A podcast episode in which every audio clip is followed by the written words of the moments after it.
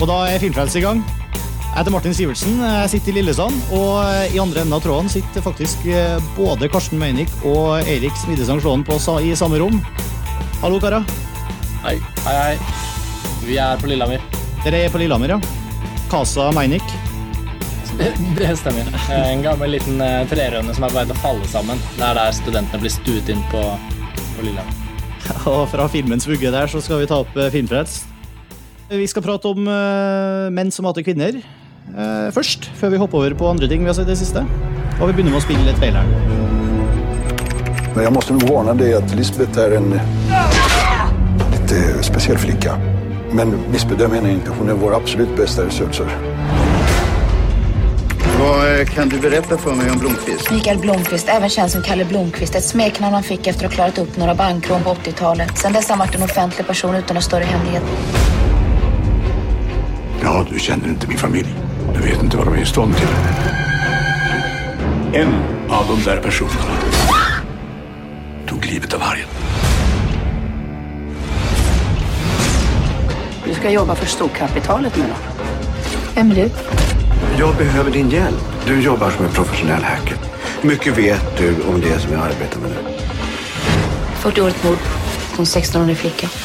Om det blir minsta problem med dig, Lisbeth, så ska jag se till att du blir inspärrad resten av livet. För jag vet allt om dina psykiska problem och din våldsamma bakgrund. Jeg vet hvert at når jeg var og så menn som hadde kvinner eh, i, på den lille kinoen i Lillesand, så var det stappfullt. Når jeg var og så Watchmen for, eh, på premierekvelden for eh, to uker før, så var det ti stykker i salen. Bare sier litt om, Mulig det sier like mye om Lillesand-publikummet, selvfølgelig, men eh, jeg tok det som en klar indikasjon på at eh, Menn som hater kvinner er en eh, publikumssuksess. Ja, jeg så den mandag klokka fem på Ringen kino i Oslo. Klokka fem, altså. Etter arbeidstid. Det var helt fullt. Nettopp. Voksne folk som var der. Eh, Jeg har ikke sett mann, menn som hater kvinner ennå. Og jeg har ikke lest boken heller, så jeg kan ikke uttale meg om akkurat det. Men jeg kan uttale meg som en utenforstående som har sett uh, denne bølgen av interesse ukevis på forhånd. Um, og det er jo Det kommer jo ikke så ofte. Det kommer Max Manus, og det kommer sånne veldig populære titler. Men uh, for alle nordiske produksjoner i alle nordiske land så er det ytterst sjelden at en film er så populær, og en bokserie for øvrig. da. Og det at Menn som hater kvinner lå på toppen i Norge, Sverige og Danmark samme uke, det er også veldig veldig sjeldent. Så vi snakker jo om et fenomen. Men det er altså, som vi har så vidt har nevnt, også en, eh, som, og som alle vet, selvfølgelig, en eh, film basert på eh, Nå er jeg usikker, jeg har heller ikke lest eh, Stig Larssons bøker, nemlig, men det er vel en det er vel den første boka av en trilogi som er hovedgrunnlaget for den filmen, så vidt jeg har skjønt? Millennium-trilogien, eller er det hele trilogien som er satt sammen til en film? Det er jeg litt usikker på. Nei, det her er første bok som er laget til Første første, film. ikke sant? Mm. Men det er jo altså, Stig Larsson skulle jo skrive ti bøker i Millennium-serien. Mm. Men han døde jo før han fikk fullført den fjerde. ikke sant? Nettopp. nettopp.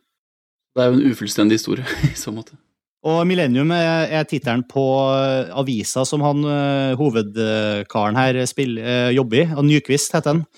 Det er vel egentlig tre historier i Menn som hater kvinner. Det ene er historien om han og, og grunnen til at han fikk han, Hele filmen begynner jo med at han går i fengsel fordi han har, har blitt dømt for å ha fabrikkert bevis i forbindelse med en sak han har skrevet mot en finanskjendis.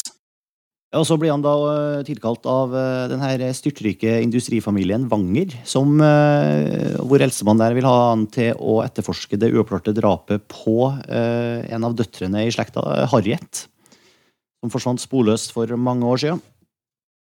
Og så er det hun Lisbeth Salander som er liksom den tredje historietråden i, i filmen her. Og det, det er vel sånn som alle egentlig har fått med seg ved å se på, eh, på, på trailere og sånn. Jeg vet ikke, Vi skal vel ikke gå så veldig mye inn i spoiler-territorium, i hvert fall ikke i første del av anmeldelsen vår. Særlig for deg, Karsten, som ikke har sett det. Jeg visste jo ikke Det du har fortalt nå, er jo allerede nytt for meg. Altså, jeg synes jo, Hvis man ikke har lest boken, Mm. og hvis man ikke har sett filmen, og bare forholder seg til markedsføring, så syns jeg faktisk det har vært overraskende lite snakk om på en måte, selve plottet. Hva karakterene driver med. Jeg trodde jo han Nyquist var politimann, så viser det seg at han er journalist. Ikke sant? Um, og denne Lisbeth Salander er jo en mørk, mørk eh, gotekvinne med hackeregenskaper. Det har jeg fått med meg. Det er jo, det er jo hun vi har sett mest av i, i forhåndsmaterialet, kanskje. Ja, og i traileren, da, som Ja. jeg har sett. Så nei, jeg er egentlig veldig nysgjerrig på hva egentlig filmen handler om. Ikke sånn kanskje så mye plottet, men jeg har skjønt at det er en mørk thriller. Men jeg har egentlig ikke skjønt så veldig mye mer om tematikken. Mm. Det er jeg nysgjerrig på. Du har vel fått med deg at det annet handler om, eh, om menn som hater kvinner, og, og voldtekt og mord? For det har det vært mye skriverier om i, i, i, i pressen. Ja, jeg har fått konturene av noe innenfor det du sier der.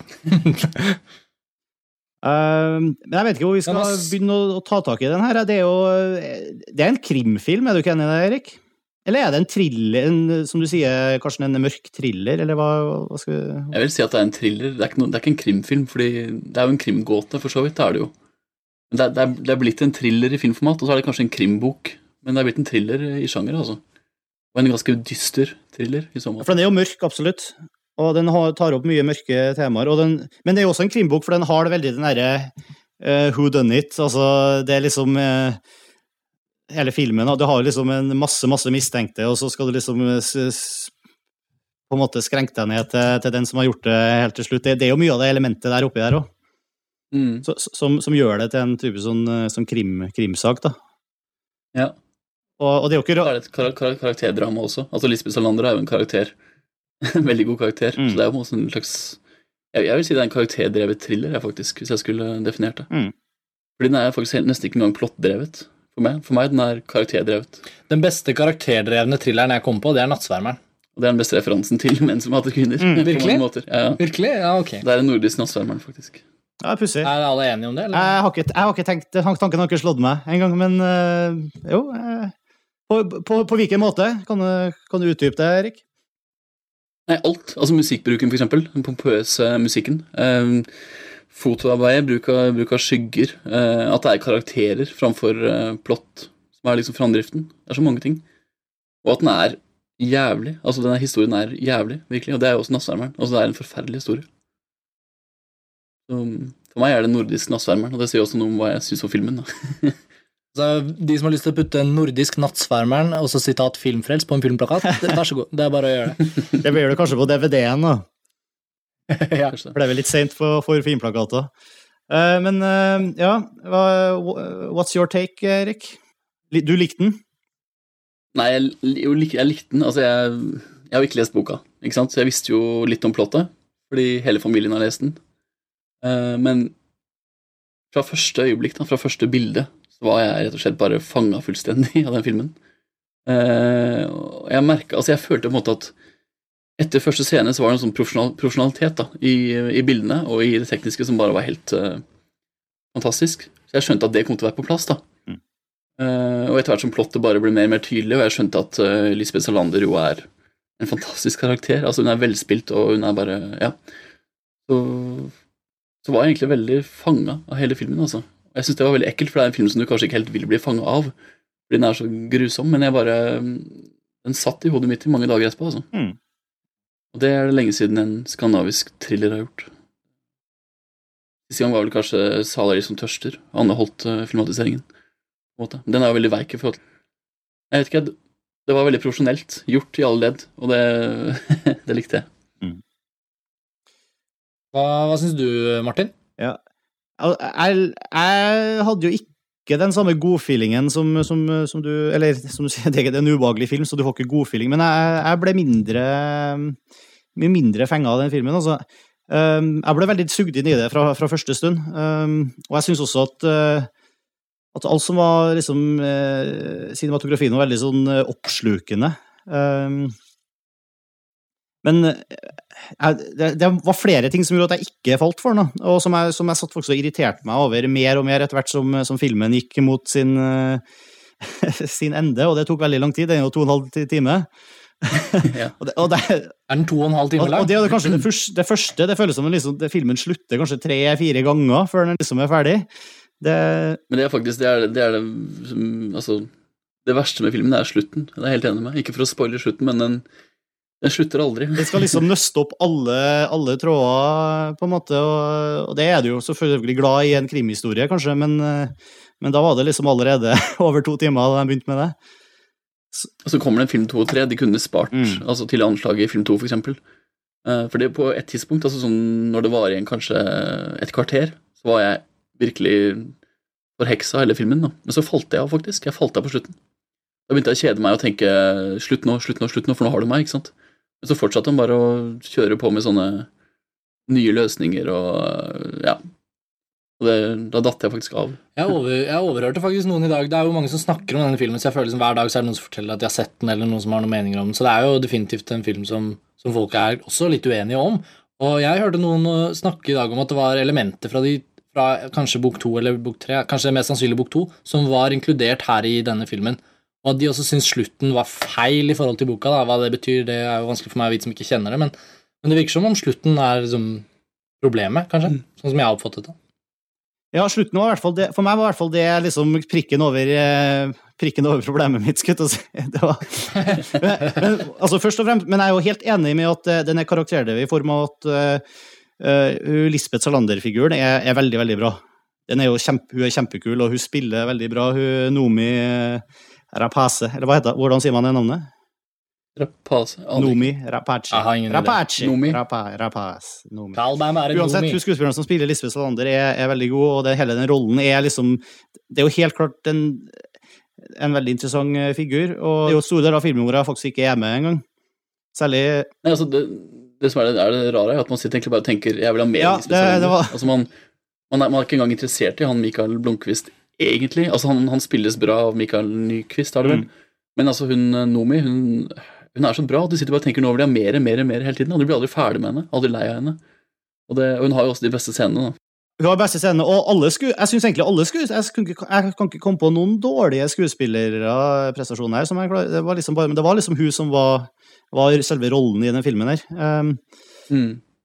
men, men, uh, men, jeg har jo heller ikke lest boka til, til Stig Larsson, og derfor vet jeg ikke om det er eh, manuset jeg reagerer på, eller om det er Stig Larssons eh, krim, krimdrama. Men, men, men, jeg klarte ikke For meg så ble hele, hele storyen altså, når jeg går for å se den type film, så er jeg faktisk opptatt en god del av storyen. Jeg føler at det må, det må være noe mer enn bare godt foto og godt skuespill. Liksom. Jeg føler liksom at jeg må få noe tilbake. Spesielt i en sånn type krimdrama så forventer jeg liksom at, at, det en, at, det er en, spenning her, og at det er en eller annen kul twist på slutten. og at det er...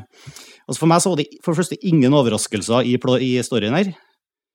Så, altså, selv liksom Ja, det aller meste her eh, De tok meg nesten Fra liksom hele konseptet ble introdusert, så skjønte jeg nesten umiddelbart hvordan det hang sammen, selv om jeg selvfølgelig var litt uh, utafor på detaljene. Men men det, det, var liksom Jeg fikk ikke noe ut av spenningskurven her, da. Uh, jeg tror kanskje det, det, jeg var mest interessert i sånn handlingsmessig, var vel hva som har skjedd med Lisbeth Salander. Ja. Og det er jo et sideplott. Det er jo kanskje et, altså det er jo Det er jo sideplott, og det blir veldig sånn sporadisk behandla, egentlig. Du skjønner jo at det er jo ikke bare menn som hater kvinner her, det er jo også mye hat i i, i Lisbeth jo, men, men, ja. men, det som gjør at jeg faktisk jeg syns det er veldig bra, er at, at det er jo en film om menn som hater kvinner. og Jeg trodde det egentlig bare lå litt At det var en seriemorder som tok livet av kvinner, og det var det. Men det her er jo virkelig menn som hater kvinner hele veien. Altså Det er jo så mange menn som hater kvinner her. og og det er så mange kvinner som har blitt hata av menn. Da. Ja, og det, det er jo nettopp det, og akkurat der er det jo andre store problemet, syns jeg.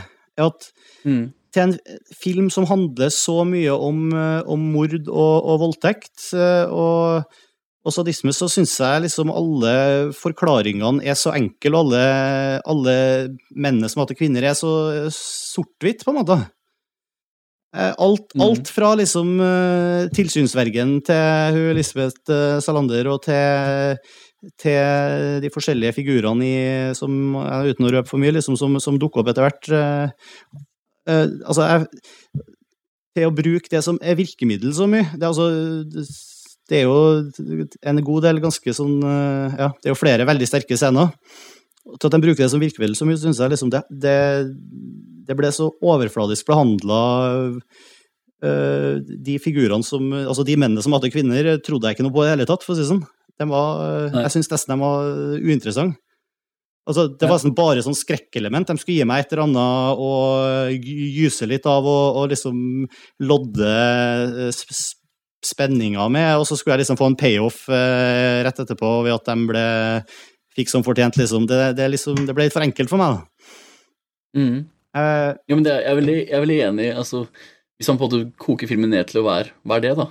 Ja. Da er det en veldig enkel intrige. Men Samtidig så Det var så utrolig sofistikert gjort, da. Det var liksom bare Altså Det å sette de to karakterene opp mot hverandre, altså Lisbeth Salander og Michael Blomkvist, sette de mot hverandre og la de spille på hverandre, var, er genistrek. Og det er jo boka, ikke sant? Mm. Men det er også da selvfølgelig velspilt, og det funker med kjemi og alt mulig. Eh, også hele den familiedynastiet, altså den Vangen-familiedynastiet, syns jeg bare var kjempeengasjerende. Og jeg, jeg bare leder meg inn i det og følte at, at jeg ville vite mer og mer. da. Og det er, For meg så er det en, en god intrige hvis jeg sitter der og tenker jeg vil vite alt, jeg vil vite mer. ikke sant? Og da, for meg, så- da er det jo mange historier som fortelles med, med en dybde. Ja, De ruller jo opp de her navnene og de for- fortidene til alle de personene i familien og sånn, men eh, Ja, men sånn som jeg, har, jeg, har jo, jeg har jo tenkt og tenkt, og tenkt på den filmen etter å ha sett den, fordi den var jo så ekkel at den må jo på en måte bearbeides. ikke sant? Den var jo grafisk og i det hele tatt. Og jeg bare merker at jeg, jeg tenker veldig mye på hvordan da denne drapsmannen endte opp med å gjøre det som ble gjort. Og jeg, liksom, det var såpass mye subtekst, da, subtekst i manus at det faktisk tok meg å tenke på karakteren og tenke sånn Ja, hun kan jo faktisk ha gjort det, for hun var jo sånn og sånn, og kanskje hun ble misbrukt av han og han. og så For meg så var det veldig mye historie. og samtidig så var det så regissert, da. Det var så, det var så gjennomført. Ja, jeg helt, det, det fløyt ganske godt, bortsett fra at det var for langt, og det var, det var mye veldig gode scener, liksom, men eh, jeg, jeg føler at jeg ble satt opp til å se en, en slags sånn eh, krimgåte utfolde seg, eller en sånn psykologisk uh, thriller. Sånn jeg følte ikke at, eh, at det stakk dypt nok i noen av feltene. Uh, Nei. nei. Men jeg, altså, jeg er faktisk enig med det, men samtidig så tenker jeg at det her er jo film nummer én, eller bok nummer én, ikke sant? og det er jo en historie som handler om de to karakterene som sammen begynner å løse visse drapsgåter og, ikke sant? og blir en slags sånn detektivteam. da. Og det er jo det jeg egentlig er interessert i. Jeg er interessert i å vite mer om hva som skjer mellom de to, og, mellom, eller, og de personene hver for seg. ikke sant? Eh, og så tror jeg på en måte at Stig Larsson har laget en intrige som på en måte bare er det er krimhistorie nå, ikke sant? og så handler det egentlig mer om de to karakterene. Og det syns jeg bare funka så bra.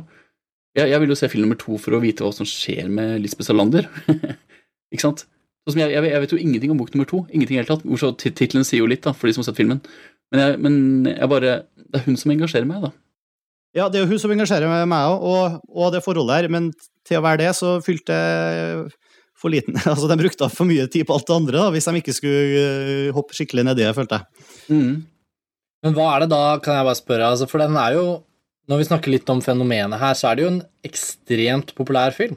Mm. Uh, men hva skiller den på en måte fra andre ja, nordiske krimbøker, nordiske thrillerfilmer, da? Altså liksom, den har jo blitt sånn ekstremt opphauset. Og jeg lurer på hva det er egentlig som gjør den så veldig mye bedre enn de andre, eller så mye mer populær. Er det bare fordi Stig Larsson døde og ble liksom var- fenomen, eller hva er greia? Men også som bok eller film, eller begge deler. Ja, begge deler. Jeg tror faktisk at det er to ting. Jeg tror Det første så er det faktisk Lisbeth Salander. Jeg tror det er karakteren, da.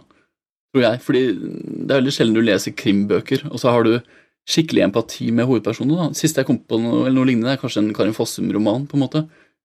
Elsker Depona. Og Karin Fossum er et godt eksempel. Det er en, det er en, det er en krimintrige, men det du egentlig vil vite noe om, er ektemannens forhold til sin avdøde kone i den boka. ikke sant? Og det som skjer ellers, er egentlig ikke så veldig interessant. Det bare skjer, og så er det karakterdramaet som er det interessante. Det tror det er det første. Han har laget en karakter som bare folk uh, vil vite mer av. Det er ikke så veldig ofte skjer i norsk eh, eller i skandinavisk kriminallitteratur. Det andre er at den bare er uh, Altså, det er en spennende historie. Den er kanskje overfladisk, men den er veldig spennende. Og den er utrolig grotesk. Altså, det er helt umulig å se på den filmen uten å tenke at Altså, du blir, du blir, så, du blir så satt ut, da. Av hvor grotesk det egentlig er. Jeg syns som sagt ikke det var så veldig spennende. Jeg syns det var groteskt, og jeg liksom jeg gyste når det var groteskt, og så så pusta jeg letta ut da de løste etterpå, liksom. Men, Mm. men jeg, jeg, jeg fant liksom ikke noe spenning i det på den måten. altså. Men hva var det som gjorde at du fikk lyst til å se filmen, da, Martin? egentlig, i utgangspunktet? Eh, Ikke så veldig mye. Jeg tror nok ikke det er en type film jeg oppsøker sånn eh, men, eh, men det var nå det som gikk altså, For det første så er det jo at jeg, jeg føler en viss forpliktelse til å se den type filmer, nå, til å se mest mulig film nå, som går på kino, etter at vi har begynt å lage podkasten. Men jeg er, jo, jeg er jo ikke noe krimmenneske i det hele tatt. Det er derfor jeg er ute og stand til å si om jeg liker Stig, Stig Larsson eller ikke. Aha. For det er nemlig jeg. Det er morsomt. Det er morsomt Ja, jeg- å snakke om. Så, men Mener dere at man må være et krimmenneske for å se en sånn film? Jeg føler ikke at jeg er et krimmenneske, men jeg er jo interessert. Ja. Nei, eh, det, det er mulig at jeg hadde feil forventninger, altså. Um, Men, eh, men, men jeg, det var ikke at jeg mislikte filmen veldig sterkt. Jeg bare jeg så ikke det store i den som, jeg- som jeg kan jo være interessant eh, å se om filmfrelst-lytterne er veldig unisone, om de liker den eller ikke. da, fordi besøkstallene får jo det til å virke som om alle liker den. Jeg har jo hovedsakelig hørt positive ting, og da, fått positive mottakelser. Jeg vil kanskje si mer sånn, for i boka mi så er det liksom en firer. Ja, jo, men altså, for, de, for de som ikke har likt den, som jeg, som jeg snakker med, så er det fordi at den er litt enkel. Altså, de sier okay, sånn som jeg har er. aldri hørt ja. At den er, eh, altså det er veldig enkel fortelling pakka inn i masse staffasje. Og groteske bilder. og de på en måte spiser ikke den pakka, da. Men det jeg synes som er litt interessant, er at produsenten, hvem nå enn det er, greier å kjøpe rettigheten til en bok, og som faktisk greier å komme med en filmatisering, velprodusert, valgt en god regissør, valgt en god fotograf osv., og, så videre, og greier å komme ut med en film så kort tid etter, eh, etter at boka har vært en suksess. Og greier å faktisk lage en filmsuksess også. Publikum er én ting, men kritikermessig så er det jo en ganske liten Det er jo suksess også. Å bygge en Filmen er en suksess. Kudos. så fort. Ja, men, men, det, men det å greie å bygge en franchise uh, av det, syns jeg er ganske imponerende. Også på kino. Mm. Men uh, produksjonsdesign, for eksempel, da. for å gå litt mer inn på detaljene. Hva med når han, eh, når han går hjem til uh, Uten å spoile noe, når han går hjem i denne, dette huset hvor vi aldri har vært før i filmen, til Harald. Eh, tenk, hva, hva tenkte du da, når han gikk rundt der med lommelykta og lette, eksempel? Altså, jeg likte jo Jo, jeg husker veldig godt. Det er på sluttene. Eller mot, mot slutten. Ja. Mm. Mm. Eh, Det er vanskelig å si mye uten å, uten å røpe hva, hva, hva, det handler om, men eh, jeg, jeg, likte jo veldig mange av settingene i filmen. Jeg, det, det er jo den derre Den handler jo veldig mye om, om eh, maktmennesker som, eh, som Og, det, og veldig Mm. mye av, eh, av lokasjonene og, og veldig mange av husene og alt mulig sånn er veldig sånn De oser av penger, liksom. Og, og eksentrisitet, kanskje, men, eh, men i hvert fall penger. Det, det syns jeg funker veldig bra. Og hele den eh, så den ideen med at eh, Vanger, Vanger-familien har den derre øya, liksom, hvor det bare er én bru som går ut av, og de har det det er en, Det er liksom, Der er bor alle sammen, og den herre mansionet og alt det der. Det er jo veldig kult. Det er jo veldig sånn lagd for Det er nesten gotisk. Det er nesten sånn gotisk eh, ja, ja. romanaktig, syns så Ja, er det så mange Det er, sånn, det er litt sånn Monkey Island-greie. liksom. Det er en øy med masse ting å utforske, og det er stadig nye hus med hemmeligheter, og her er plutselig er en hytte, og så plutselig er det en sånn Men så får jo filmen deg med på den reisen, og det er ganske Ja. imponerende, Synes jeg. da. I boka er én ting, men altså filmen får deg med dit. Ja, så det, er- det er veldig og du vil, du vil utforske, og du vil vite hva som skjuler seg bak huset til Harald og Martin. og Det er skikkelig skummelt. da. Jeg, jeg syns den var veldig spennende, må jeg si. Og så det, fikk jeg veldig sånn uh, Twin Peaks-feeling her. Liksom Who Killed Harriet. Du ser det bildet av hun, hun stadig vekk kommer tilbake til det, og da er det, da er det Laura Palmer, liksom. Ja, ja. Det Spesielt det ene, ene shotet hvor de kobler alle bildene sammen. Mm. Hun blir levende, ikke sant. Det syns jeg er uh. Men altså hele den periodetingen, da, alt det som er flashback eller med bilder, og alt sånt, er veldig bra rekonstruert, da, syns jeg. ja, teknisk jeg syns kanskje noen av de gamle bildene som de brukte og gjorde research i, og sånn, noen av dem syns jeg kanskje ikke så gamle nok ut. Altså, Enkelte av de sort-hvitt-bildene sånn, syns jeg nesten virka nesten var for, eh, for ren og, og, og, og høyoppløst. Det er mulig at Ja. eh, Men jeg vet ikke. Nei, jeg syns bare filmen var veldig bra. Jeg var så engasjert etterpå. Jeg, jeg satt og jobba med eget manus dagen etterpå, to dager, og jeg var liksom Jeg greide på en måte ikke helt å forlate øh, universet, jeg, faktisk. Jeg, jeg bare Jeg satt og kverna historien i hodet mitt og tenkte på Lisbeth Salander og hva er egentlig hennes historie, og hva kommer til å skje, og hva var det med denne Martin som gjorde at han ble det han ble, og så Det bare Ja, den satte seg hos meg, altså. Og det, det skjer ikke så veldig ofte med meg om dagen på film. Og musikken var veldig flott. Veldig flott musikk. Veldig, ja, profesjonelt brukt musikk til å være en skandinavisk film. Og musikken ofte er overtydelig og banal, så var den her bare veldig innlemma. Um, jeg har gjort et søk på Twitter her, jeg. Menn som hater søkte jeg bare på. Det er utrolig mye positiv En som jeg har sett den for 38 minutter siden, som sier 'skummel og slightly disturbing, men veldig bra'. Og det går igjen nedover hele linja. Alle som har sagt noe om den i dag. Nesten alle. Så ja, Folk, den er vel populær, da. det var en negativ der. Jeg rekker boka til knærne. Hva står det? God film, men rekker dessverre boka til knærne. Ofte sånn. Ja, det er sant. ja, det, det er godt å vite at jeg ikke står helt alene, i hvert fall. Jeg syns også det, jeg synes ikke det var en dårlig film. Jeg bare Det morsomme nå er at i og med at filmen er så populær, så skal jo film nummer to og tre også på kino. De skulle jo egentlig bare på TV og DVD, men nå skal du jo faktisk på kino. Men de har jo et lavere budsjett, tror jeg, så de kommer jo ikke til å være like gjennomført, kanskje. Må jeg se den? Jeg vet ikke. Jeg merker jeg sitter og Det er jo godt mulig jeg ser den. En nordisk nattsvermeren, ja, selvfølgelig. Må. Ja, Nordisk nattsvermeren, det er kanskje det er kanskje det beste man eh, kan friste noen med. Noen filmnerder, i hvert fall. Jeg syns ikke helt det var norske nattsvermeren. Nordisk. Nei, nei, den nordiske, mener jeg. Den er jo selvfølgelig ikke norsk. Eh, jeg, jeg følte at eh, det var, eh, det var ingen Hannibal Lecter der, for eksempel. Nei, seriøst. Ja, jeg så ikke det, altså. Tør ikke jeg å spoile det er jeg skulle ikke si. nå, men snakk om det i detalj. Jeg kan finne ut av det selv. Jeg syns den ene scenen i kjelleren med det tauet og den kroken var- Jo, jo, men, jo, jo, men det er bare Altså, jeg, jeg, kjø, jeg kjøpte ikke han figuren, da. Altså, jeg, hadde, jeg vet ikke, jeg syns han ble så kar, litt karikert, han eh, på Akkurat i, på, i det slutten her, altså i de scenene, syns jeg han figuren ble så karikert. Eh, Jeg, jeg, jeg, jeg kjøpte i hvert fall ikke. Nei. Vi har, vi har fått opp norske besøkstall eh, foran oss, faktisk. Her. Ja, hva, hva er tallenes tale? Menn som hater kvinner har i løpet av ti dager på norske kinoer blitt sett av 224 510 mennesker. Er det bra? Det er veldig bra. Ja, det er, det er helt greit, liksom. Det er helt greit. Ja.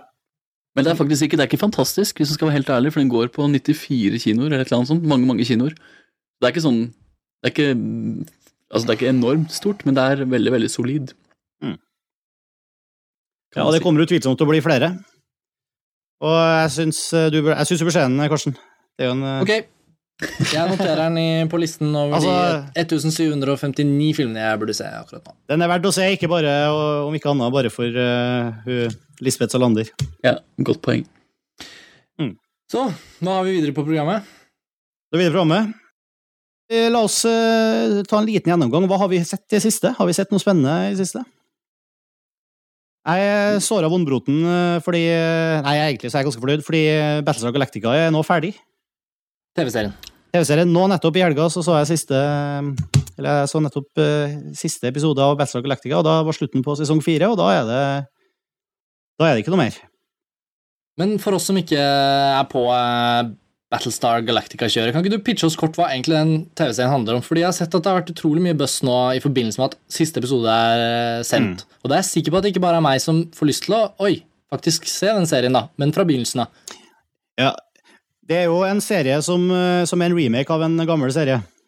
Uh, og jeg, jeg kjenner ikke til konseptet egentlig fra før, uh, så jeg har ikke så veldig mye å si om det eldre materialet. Men, uh, men den nye serien har jeg jo fulgt med eh, slavisk fra begynnelsen. Og det, det handler om at eh, eh, Og det er litt av clouet her, at det er på en planet, det er ikke på jorda, det er på en planet som heter Caprica, så, eh, så, så er det, det er liksom en slags alternativ eh, menneskerase. Som, altså det er en slags alternativ jorda. da. Det bor masse mennesker der, de har buer og de har samfunn og sånn, akkurat sånn som oss. Eh, Det er bare små forskjeller. Men eh, de har i hvert fall eh, De er i krig med, med en rase roboter som de har skapt sjøl. The Hø Cylons. høres, høres jo veldig kjedelig ut. Hva er det som er så spesielt med det? Og, Det er jo, og, det er jo sånn Sina Warrior Princess, liksom. ja, og hele, hele filmen begynner da med at uh, jorda blir ødelagt av Cylonene. Det Og, eh. Det må, det må være noe mer spennende, det, altså. Og noen 35 000-40 000 av menneskehetene klarer å flykte ut uh, i et, uh, på en flåte med romskip, og da blir da Og det er liksom fire episoder med, med, med dem ute i verdensrommet, og i, delvis i krig, delvis i partnerskap, og det, det, det, det der det selve plottet kommer inn. Altså der det begynner å bli interessant, fordi de Cylonene er jo De første modellene av Cylonene er jo bare roboter. De er Terminators eh, i, i pur metall, liksom. Men selvfølgelig så eh, kommer det jo mer avanserte modeller som ser ut som mennesker. Og som eh, da er mye, Det er mye paralleller her til Terminator-mytologien, faktisk. Men eh, de her Cylonene eh, viser seg å være mer og mer menneskeaktige. Da. De, de, forræder, de forråder hverandre, de blir forelska i hverandre, de blir forelska i mennesker. Det, du har mennesker som ikke vet at de er siloene, og, og så videre. Så, så, så det er der mye av det. Og det i tillegg så er det en veldig sånn tung, religiøs eh, overtone over det hele. Som, eh, det er mye profesier og, og, og veldig mye sånn religiøs symbolikk som går igjen i historien, da, som gjør det liksom på, på en måte filosofisk interessant også. Så det Jeg satte veldig pris på den serien, og det er lett å kritisere den serien nå, for det, den er litt sånn Noen ganger er den litt uh, slepphendt i forhold til både manus og skuespillarbeid, altså. Så er, det er ikke noe perfekt serie. Den, den, er ikke i nærheten av like velskapt som for eksempel The Wire eller uh, noe sånt, spør, spør du meg, men, uh, men jeg, jeg, jeg, jeg, fascinerer meg av det på samme måte som jeg fascinerer meg eksempel av Sarah Connor Chronicles, som også er full av brister og, og flås og skjønnhetsfeil, føler jeg, men som jeg på en måte liker setter veldig pris på å se på, for jeg, jeg, jeg liker veldig godt det type universet de har skapt. da. Jeg synes jo Science fiction TV-serier er jo interessant tema i seg selv. Det kunne jo nesten vært en hel fremtidig episode av Filmfrelst hvor vi også går tilbake. For jeg merker at jeg har forsøkt å se på en del serier opp gjennom årene, og jeg har som regel falt fra. Men de jeg ikke har falt fra på, de som jeg virkelig syns er interessante og morsomme, da, ja, nå kom det, det er de med litt humor. Mm. Altså, jeg husker Red Dwarf er jo noe av det absolutt kuleste Det er jo veldig særegent. da, Det er jo britisk og med veldig sånn tilbakelent, ironisk fin humor. Men uh, også en serie som heter Firefly, som jeg har skjønt at uh, nå har en helt sånn kult, som er utrolig opptatt av den serien. Det var også en veldig bra, underholdende serie, mens de som er sånn overseriøse, uh, de faller jeg fra. Den er litt seriøs, men Er den, er den selvhøytidelig? Eh, ja, den er litt det. Litt, men den er det litt på samme måte som Sarah Connor Chronicles. er det også, De liker å referere til seg sjøl og, og, gjøre sånne ting, men, men, men det, er ikke, det, er ikke, Red Dwarf latter på boks. Selvfølgelig ikke. Nei. nei, det var kanskje en litt søkt sammenligning, men jeg, fikk jo, jeg bare tenkte på det, så da Ja, den, er, den risikerer å ta seg sjøl litt selvutydelig og, og bli litt og, ja, De hopper jo mye ned i Det er mye mellommenneskelig drama der, og mye av det funker ikke like godt, syns jeg. Men uh, det, det, er også spennende, nå som serien er over, så det, det er jo den, si, den eneste hitserien som Sci-Fi Channel har i USA. Så de uh, har jo nå håper jo på å ri videre på Battlestar Galactica-fanskaren, og har nå liksom uh, annonsert en ny serie som begynner senere i år som heter, Cap, som, heter, som heter, Caprica, og som handler om livet på Caprica før, eh, på en måte, så vidt jeg har skjønt. Eller i hvert fall, i hvert fall fra samme gjengen. da. En spin-off? Ja, Jeg vet ikke om det er en spin-off fra Battlestar Galactica-universet engang. Jeg bare vet at den heter Caprica og er fra, liksom, den blir pusha i forbindelse med at Battlestar Galactica er over. Jeg tror det er de samme skaperne. Ja. Jeg er mer nysgjerrig på å snakke litt om Terminator, for jeg kaller jo da Sarah Connor, Sarah Connor Chronicles kaller jo jeg Terminator. Det er jo en del av Terminator-universet. Ja, og, og, vi har en fjerde Terminator-film på vei. Jeg gleder meg som et barn. Ja. Også, Men vi har blitt enige om vi skal ta en egen podkast om Terminator. Ja. Det må vi gjøre. Ja, det, kan vi det kan vi varsle lytterne om. hvis, hvis, hvis, hvis de vil høre på den, er dere, er dere interessert i en Terminator-podkast? Vi kan jo spørre. vi kan pitche det. Jeg forestiller meg at uh, i forbindelse med den fjerde Terminator-filmen, som har premiere i begynnelsen av juni, så lager vi en massiv Terminator-podkast hvor vi snakker om den første Terminator, den andre, den tredje, den fjerde og TV-serien, og forsøker å kanskje forstå hvordan dette kan bæres videre. Fordi det kommer jo bare til å fortsette, og det kommer til å utvikle seg videre. Og jeg, er bare tiltrekkes så innmari det universet. Kanskje Arnold kommer tilbake, kanskje James Cameron kan komme inn og lage en 3D-femmer. Altså, jo, men hvem vet? Det er jo så mye som kan skje. Det er så mye som kan utvikles. Du, du sier akkurat det samme som jeg sier om Bessa Galactica, og jeg er jo helt enig. Jeg føler akkurat på samme måten om, om eh, Terminator. Og Terminator-universet har Det er jo så mye rart som skjer i de filmene og de seriene, som, er, som egentlig ikke er logisk i hele tatt. Men, eh, men det er et fantastisk univers likevel, på en måte. Man gir liksom slipp på logikken, og så koser man seg med det som eh, mm. foregår. Mm. Enig, enig. Uh, apropos Serenity, jeg har faktisk ikke sett Serenity-serien, men uh, jeg har sett uh, filmen, og, og det gjorde Ja, men serien heter Firefly, og filmen heter Serenity. Jeg har ja. ikke sett filmen. jeg har sett filmen, og den syns jeg var sånn middels Star Wars-morsom. Men, ja, men, men, men, det er jo Joss Sweden som er liksom karen bak der. Og han er jo karen bak Buffy og, og, alt det her. Og jeg, jeg, jeg, kjøper, jeg klarer ikke helt å svelge det der. Altså. Jeg, jeg, begynte jo å se på Dollhouse, som er den nye serien hans. Som er liksom pushes ganske mye i USA nå. Det har kommet bare en håndfull episoder, men det syns jeg var, jeg var skikkelig dårlig. Så et, et, jeg måtte bare gi opp det etter tre episoder, liksom. Så... Ja, Joss Whedon er jo litt sånn hit and miss, føler jeg. Mm. enkelte tilfeller så slår han til, og i andre tilfeller så er det ikke fullt så bra. Buffy veldig vellykket. Angel Var ikke det han som gjorde det, eller var det noe annet? Det var en spin-off. Ja, ja, nettopp. Altså, jeg føler det går veldig Men han hadde en sånn bra webserie som han lagde under mannsfattigstreiken, som heter Dr. Horribles eh, Single. Ja, det, det, var kult. Det var kult. Det er jo kjempegøy. Altså, der må vi poste en link eh, til lytterne våre for de som ikke har kommet over det. Men det, er en kortformats webserie, musikal, som bare var sånn veldig lite selvhøytidelig, apropos selvhøytidelighet. Eh, og så underholdende og så frisk og kjempemorsomme sanger og nei. Så det var en skikkelig oppfriskende greie. Mm. Kunstnere får det gjerne til når de settes under press og ikke har så mye penger mellom fingrene. Det var en kommersiell suksess òg. Ja, ikke sant? Så de solgte tjente masse, han tjente masse penger på iTunes. Ja. Og, og lagde, som du sa, nesten gratis. Vi har jo fått eh, Det, det går jo veldig bra med, med Filmfrelst for tida.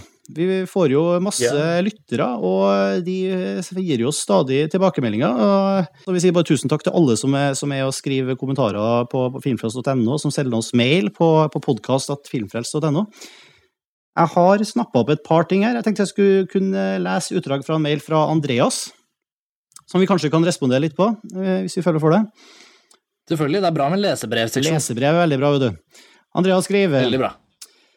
Hei, ja, utrolig kult at vi har fått en skikkelig filmpodkast på norsk. Jeg har hørt på Filmspotting i flere år nå, men det blir mye nærere å få det på sitt eget språk.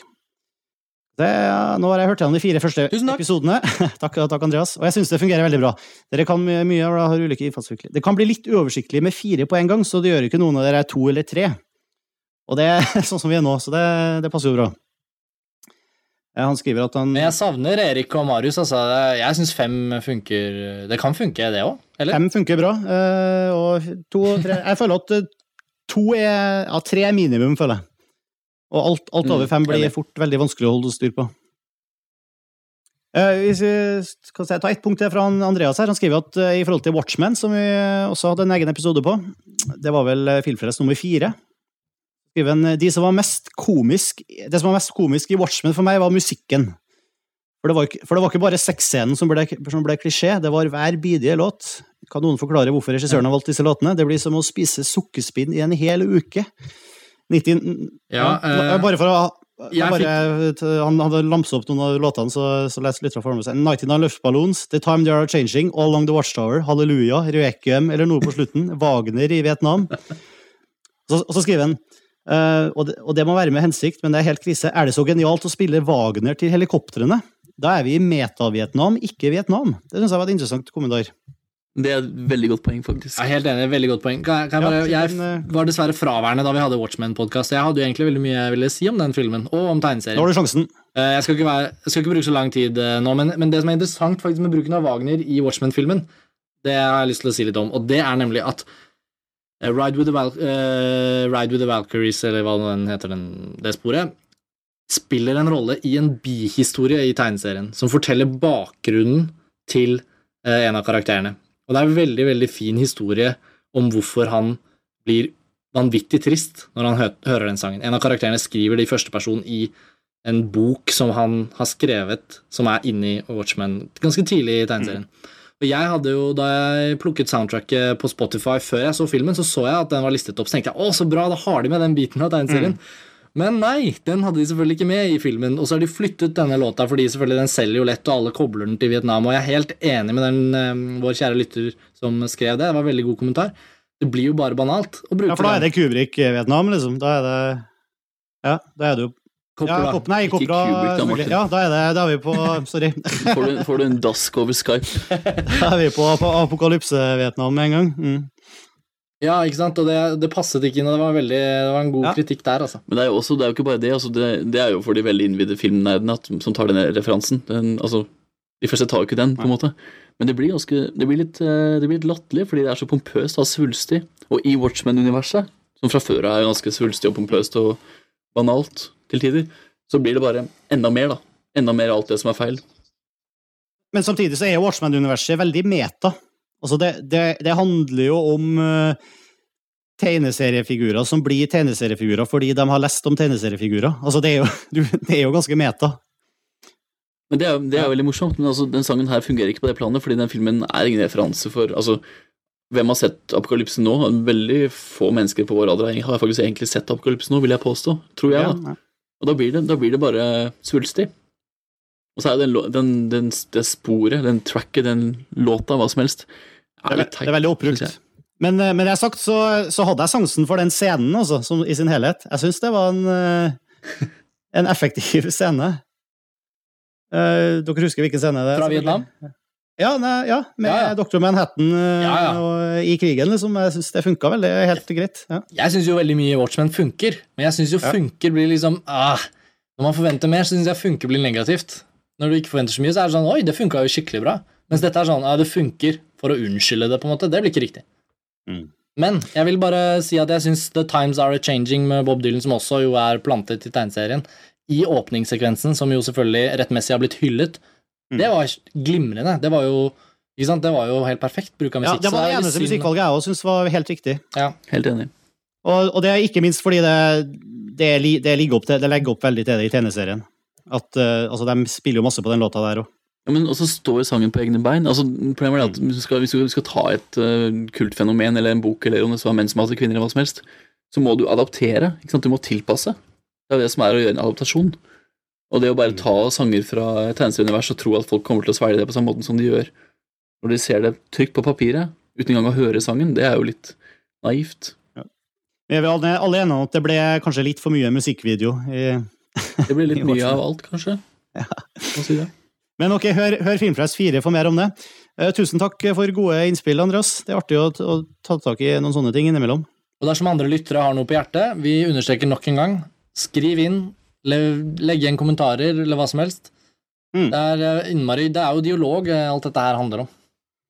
Filmfrelst.no og podkast.filmfrelst.no. Eller eh, gi oss fem stjerner i iTunes, så, så, så jeg lurer på, er det, er det ingen damer som hører på oss? Vi får jo bare brev og ting fra menn, jo. Nei, Er det, er det ingen damer som har noen mening Nei, nei, nei. om hva vi driver med? Vi fikk da akkurat en kommentar i Ja, ja. det var én blant 400. Jeg vil jo ha noen damer til å Hva syns damene om det? Vi har fem menn som sitter og babler. Samme vil dere ha noen jenter inn, f.eks.? vi jobber med saken. Vi har fått kommentar fra Samavo, twitter.com slash Samavo, som har eh, nettopp kritisert oss for det, at det er for få kvinner med her. Så, nei, vi, vi er jo selvfølgelig enige. Altså, Mm. kvinnelige filmnerder unite.